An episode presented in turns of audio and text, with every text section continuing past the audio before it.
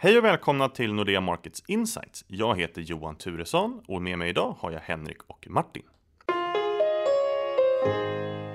Hej killar! Idag ska vi prata valuta och det passar ju bra eftersom ni båda är valutastrateger här på Nordea.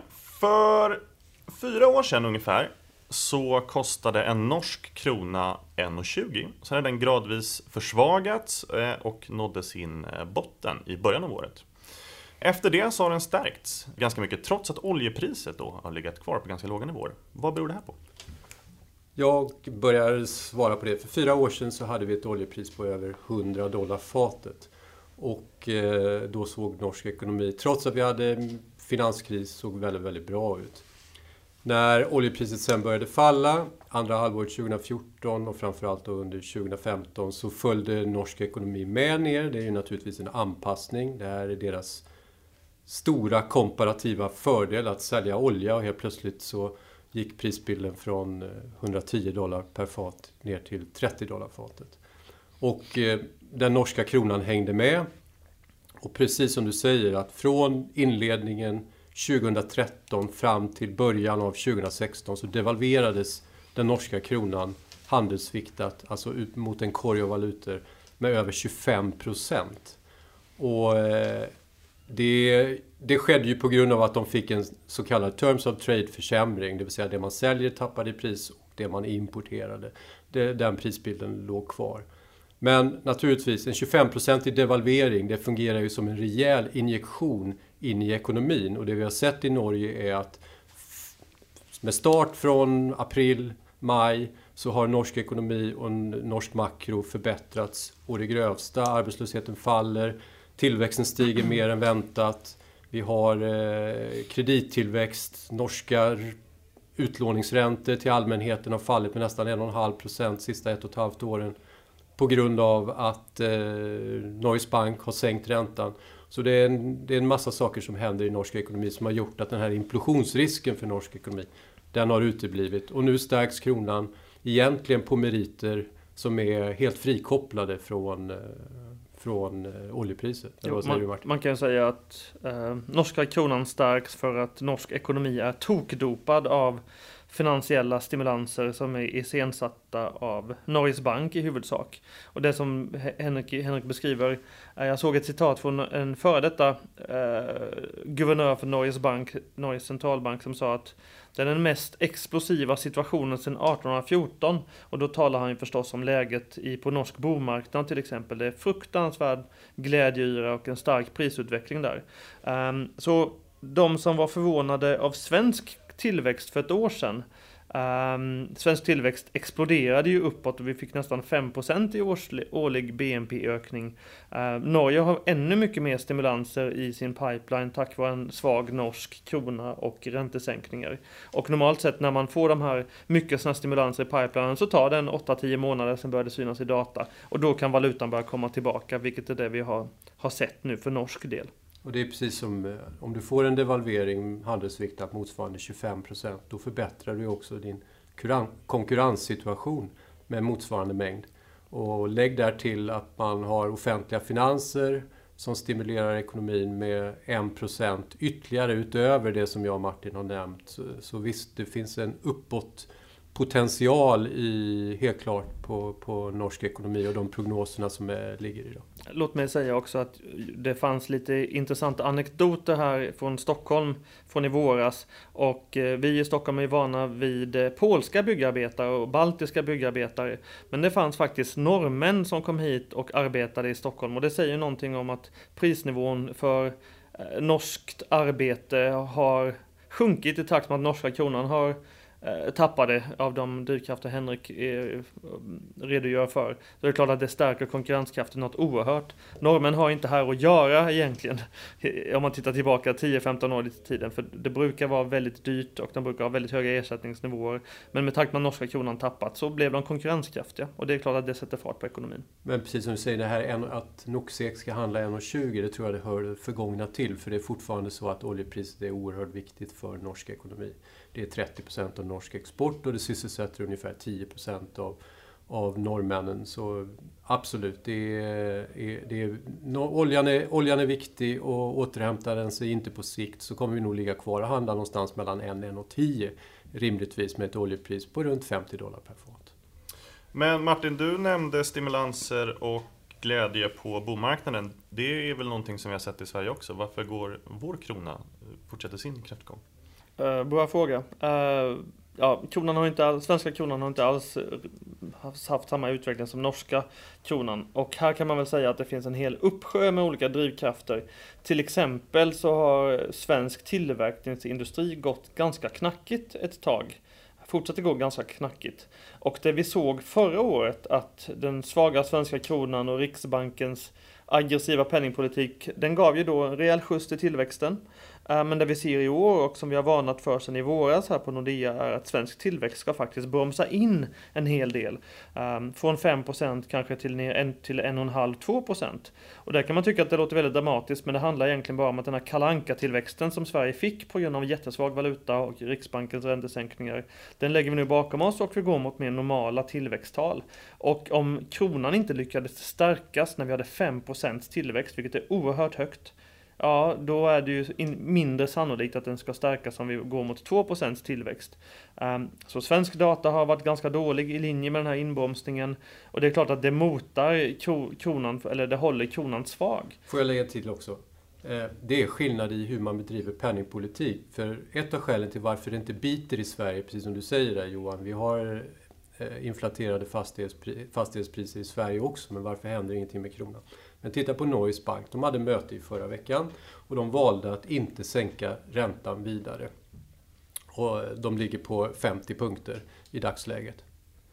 50 punkter plus? Där ligger de plus 25. Skjutsingen. Nej, de ligger plus på, på, plus 50 såklart, det gör de.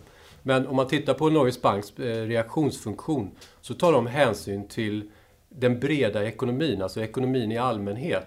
de tittar på eh, arbetslöshetsutveckling, de tittar på aktivitetsnivån, de tittar på eh, naturligtvis hushållens skuldsättning, jada jada. De har ett bredare angreppssätt när de bedriver penningpolitik och det resulterade i att man tyckte att nej, men Norge har en så pass god takt och har ett momentum i ekonomin just nu och det rättfärdigar inte att man sänker räntan vidare. Jämför det med Riksbanken, precis som eh, Martin har beskrivit. Vår kalanka tillväxt vår hysteriskt inflaterade fastighetsmarknad det har resulterat i minus 50 punkter, den mest aggressiva penningpolitiken i världen nästintill. Från Riksbankens sida därför att de är inte intresserade av den, av den breda ekonomiska bilden i Sverige eftersom de bedriver penningpolitik bara utefter en statistisk serie. De är intresserade av vad SCB redovisar i inflationstakt en gång per månad. Där har vi skälet. Jo, och där, Till att kronan går svag. Där brukar jag och Henke ryta, eller ryka ihop lite. För jag tycker ju på något sätt att Riksbanken gör helt rätt som fokuserar myopiskt och på något sätt lite galet på de här KPI-siffrorna. Och det är för att vi, som jag upplever det i Sverige, har bestämt att det är så de ska titta på det. Medan det mandat som Norges Bank har och vissa andra centralbanker, de ska titta lite bredare. Eh, men det är klart att Henrik har helt rätt i det här. Med näst lägst ränta i hela världen, Eh, med jättelåg volatilitet på valutamarknaden. Då är det många som har tänkt sig nu sista månaderna, men Sverige, den valutan den kan vi sälja, för den kommer inte komma tillbaka förrän Riksbanken blir lite mer hökaktiga och beter sig kanske lite mer som andra centralbanker. Och det ser vi inte hända någon gång snart. Eh, våra ekonomer tror att Riksbanken kommer höja räntan 2018. Sug på den. Det är klart att det blir, det blir svårt att hetsa upp sig för att, att Riksbanken ska skicka upp kronan i värde i ett sånt läge. Samtidigt sett Norge eh, i princip hela världens centralbanker, alla världens centralbanker utom Federal Reserve i USA tenderar hela tiden och eh, vilja sänka räntan, trycka mer pengar, göra mer för att stimulera. Och nu när Norges bank eh, signalerar, ja men det är inte så sannolikt att vi gör mer. Då blir de en av två centralbanker i hela västvärlden som inte är galet expansiva. Och det är klart att det lockar till sig kapital som åker in i Norge, för då tänker man sig att norska kronan ska stärkas, Norges bank ska höja räntan. Så det påverkar ganska mycket eh, centralbankernas retorik om hur valutamarknaden ser på valutorna. Och räntor, alltså ränteskillnader är viktigt för en valuta, för det handlar om avkastning. Om Norge, om du får 1% att placera pengar i Norge och du det kostar dig minus 50 punkter eller en halv procent att placera i Sverige, ja då, då har alltså Norge en räntefördel.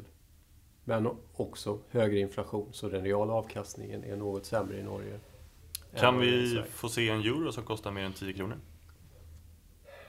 Jo, jag kan väl bolla lite med den. Det ligger inte i våra prognoser.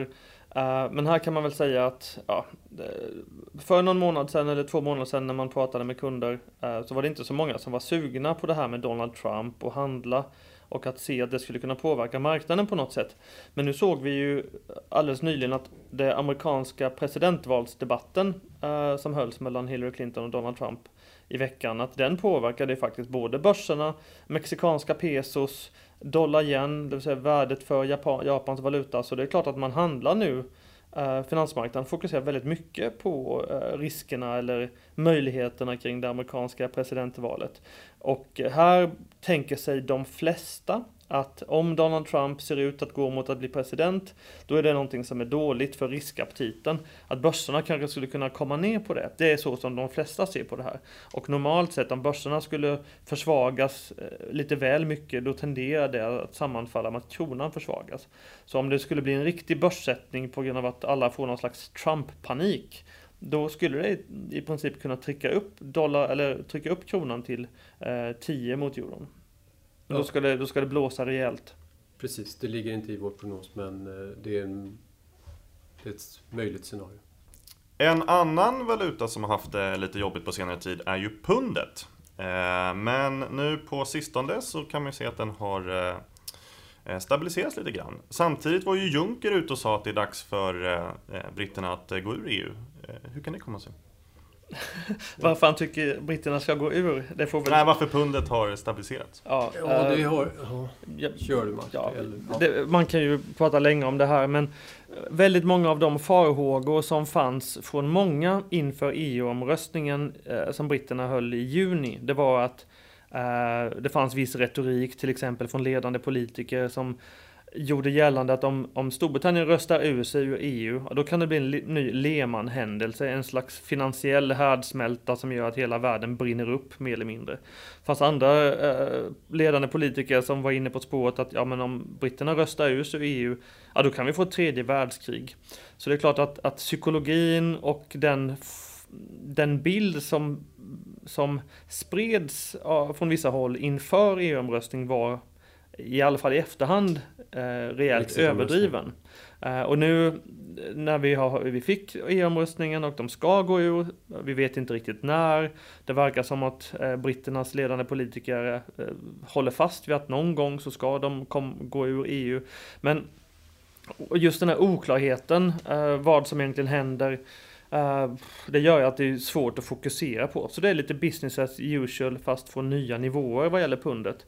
Och sanningen ska fram så har ju uh, brittisk statistik, brittisk aktivitet, brittiska huspriser utvecklats bättre än många hade tänkt sig. Många av de här eh, farhågorna eller de här domedagsprofetiorna som, som fanns i juni, de, de har inte realiserats helt enkelt. Flera ekonomer hade fel här. Och i takt med att man har förstått att det ser ut som att ekonomerna har haft fel, ja då kan pundet komma tillbaka eh, och behöver inte fortsätta sälja av. Fast det är ändå så att, precis som Martin säger, att det triggade inte någon global kris eh, i tillgångsmarknader. Men det är ändå så att vi har en pundkris. Alltså om man jämför pundet med dollar, jämför pundet med euro eller varför inte med kronan, så kan man ändå notera att vi är på nästintill de lägsta nivåer som vi sett på 20-30 år i alla fall mot euro och, och mot dollar. Mm. Så visst har Brexit haft en påverkan på hur omvärlden betraktar Storbritannien och låt mig bara lägga till här att Brexit, det var en händelse, eh, Brexit-omröstningen, men, men själva Brexit-genomförandet, det kommer ju vara en process. Så även om det inte syns i, i statistiken som Martin beskriver ännu så kommer det att göra det, är jag alldeles övertygad om, i framtiden. För jag tror att det som började med någon form av inrikespolitisk maktkamp där Cameron egentligen, den före detta premiärministern, han utlöste en folkomröstning därför att han ville etablera sig i Tories, i, det, i sitt eget politiska parti det, det, blev en katastrof för ingen hade kunnat ana att britterna skulle rösta ur sig ut ur EU. Och här står man, man är fullständigt oförberedd för det här. Man vet inte ens hur man ska förhandla, vem som ska förhandla. Och när den före detta borgmästaren och ledaren för Brexit, Boris Johnson, åker runt och, och diskuterar med EU-ledare eh, och uppför, lika, uppför sig ungefär lika ociviliserat och clownmässigt som han gjorde när han, när han bedrev Brexit-kampanj. Då möts han av kalla handen. Då sitter en, en eh, bister tysk finansminister, Schäuble, där och säger att du, du kan bister. drömma om att om inte ni öppnar era gränser så kommer du helt enkelt inte ha access till till EUs inre marknad. Och det är där som kruxet finns. Så länge vi lever med den här osäkerheten om vad som faktiskt kommer bli eh, framtiden för UK, då ser inte jag att några nya investeringspund kommer att gå in i Storbritannien. Snarare är det tvärtom. Alla har någon form av krisplan för det, när det gäller om du är ett företag i Storbritannien av, av, av lite rang. Hur ska du komma undan en eventuell nasty Brexit-genomförande. Man kan tillägga, jag tycker process är ett viktigt ord som Henrik säger här. Eh, och man ska dock ha med sig att eh, processer är svåra att hetsa upp sig för från marknadens perspektiv. Vi vet, eller vi, hopp, vi tror att vi vet att britterna ska gå ur EU. Vi vet inte när. Vi vet inte när eventuellt nya regler kommer i träda kraft som gör att de inte längre får tillgång till den gemensamma marknaden. Det finns många som tror att, att britterna aktiverar sin exit, eh, eller åberopar artikel 50 som aktiverar det EU-utträdet. Men att man samtidigt, medan man gör det här, skapar sig en interimlösning på 5-7 år som gör att man får norsk lösning som gör att man får fortsatt tillgång till den gemensamma marknaden kanske i 7, 8, 9 år innan man sen går, ur, går över till någonting nytt. Så det är en väldigt lång process och det är klart att det håller tillbaka eh, investeringar i någon utsträckning i Storbritannien, oklart hur mycket. Samtidigt sett så, precis som norsk ekonomi just nu har tokdopats av ett jättesvagt jättesvag krona, så är förstås, ja, eh, brittisk ekonomi dopas ju också av rejält svagt pund som gör att eh, vinstförväntningarna till exempel och vinsterna uttryckta i pund ser mycket bättre ut för många brittiska exportbolag. Och konsumenter och så vidare. som arbitrerar. Jag köpte skor häromdagen. Jag köpte böcker häromdagen. Ja, precis. Det är billigt nu. Det är en pundrea. Och det är ju det som är med en devalvering. Det tänker man aldrig på. Vi, eh, vi tycker att det, vi är några varufetischister och vi köper billiga prylar och billigt materiellt krafs. Och sen finns det ju de naturligtvis som tycker att brittiska företag helt plötsligt har blivit 20% billigare efter det att pundet har fallit. Eller brittiska fastigheter. Ja, då vill jag koppla det till Sverige, hur Riksbanken rear ut vårt hemland för att använda en Kent-strof. Eh, för det är precis vad man gör med en medveten devalveringspolitik. Du tjänar några inflationstiondelar samtidigt som du mer eller mindre säljer ut svenska tillgångsmassan. Finns det några lärdomar då som vi kan dra från den eh, brittiska omröstningen för hur marknaden kommer att agera inför nästa stora val som blir det amerikanska? Med risk för att bli kontroversiell, men jag tror process som Henrik har sagt, det ordet är nyckeln här. Eh, norsk ekonomi har återhämtat sig, norsk krona har återhämtat sig trots att oljepriset befinner sig på fortsatt väldigt låga nivåer. Storbritannien har sett data förbättrats trots att vi inte riktigt vet vart eh, landets EU-medlemskap är på väg. Um, och jag skulle gissa att om Donald Trump skulle vinna presidentvalet eh, Ja, då ska vi nog prata mer om en process för USA än någonting annat. Många i marknaden tänker sig ju att Eh, Donald Trump hotar världshandeln, det kan bli tredje världskrig, han kan starta ett kärnvapenkrig med sin bästa vän Putin eh, och så vidare. Så man tänker ju handla det här risknegativt från många håll.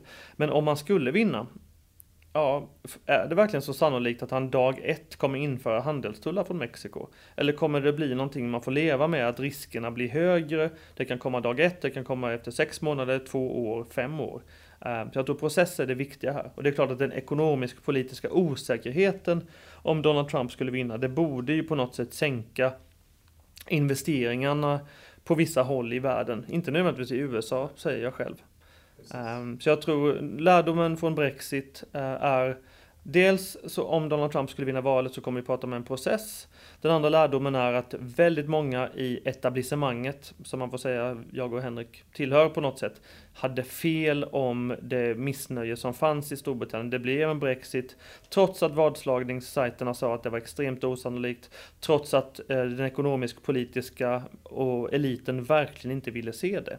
Så det är klart att det kanske är eh, obekvämt hög sannolikhet för att det faktiskt kan bli en Donald Trump-president baserat på vad vi såg i, i Storbritannien. Och marknaden är ju som sagt var, den är luttrad. Vi har marinerats i, i det här med implosion eftersom vi, vi lever och bor i, i Europa och, och EU och EMU har ju faktiskt balanserat på vulkanens rand ända sedan 2011.